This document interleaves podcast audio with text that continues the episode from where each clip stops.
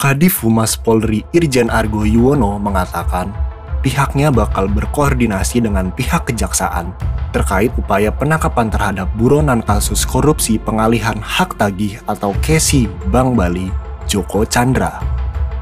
Hal itu sebagai tindak lanjut merespon perintah Menteri Koordinator Bidang Politik Hukum dan Keamanan Mahfud MD yang meminta agar Joko ditangkap jika ia datang di sidang peninjauan kembali atau PK Dihlat.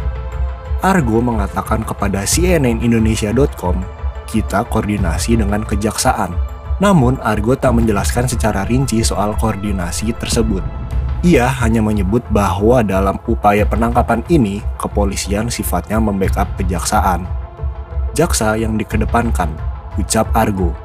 Sebelumnya Menko Polhukam Mahfud MD meminta kepolisian serta Jaksa Agung bersiap menangkap Joko saat hadir dalam persidangan PK. Sebelumnya, Menko Polhukam Mahfud MD meminta kepolisian serta Jaksa Agung bersiap menangkap Joko saat hadir dalam persidangan PK. Ketika hadir di pengadilan, saya minta polisi dan kejaksaan untuk menangkapnya dan segera dijebloskan ke penjara sesuai dengan putusan pengadilan yang telah inkrah atau berkekuatan hukum tetap kata Mahfud melalui rilis yang diterima CNN.com. Diketahui Pengadilan Negeri Jakarta Selatan akan menggelar sidang perdana PK Joko Chandra.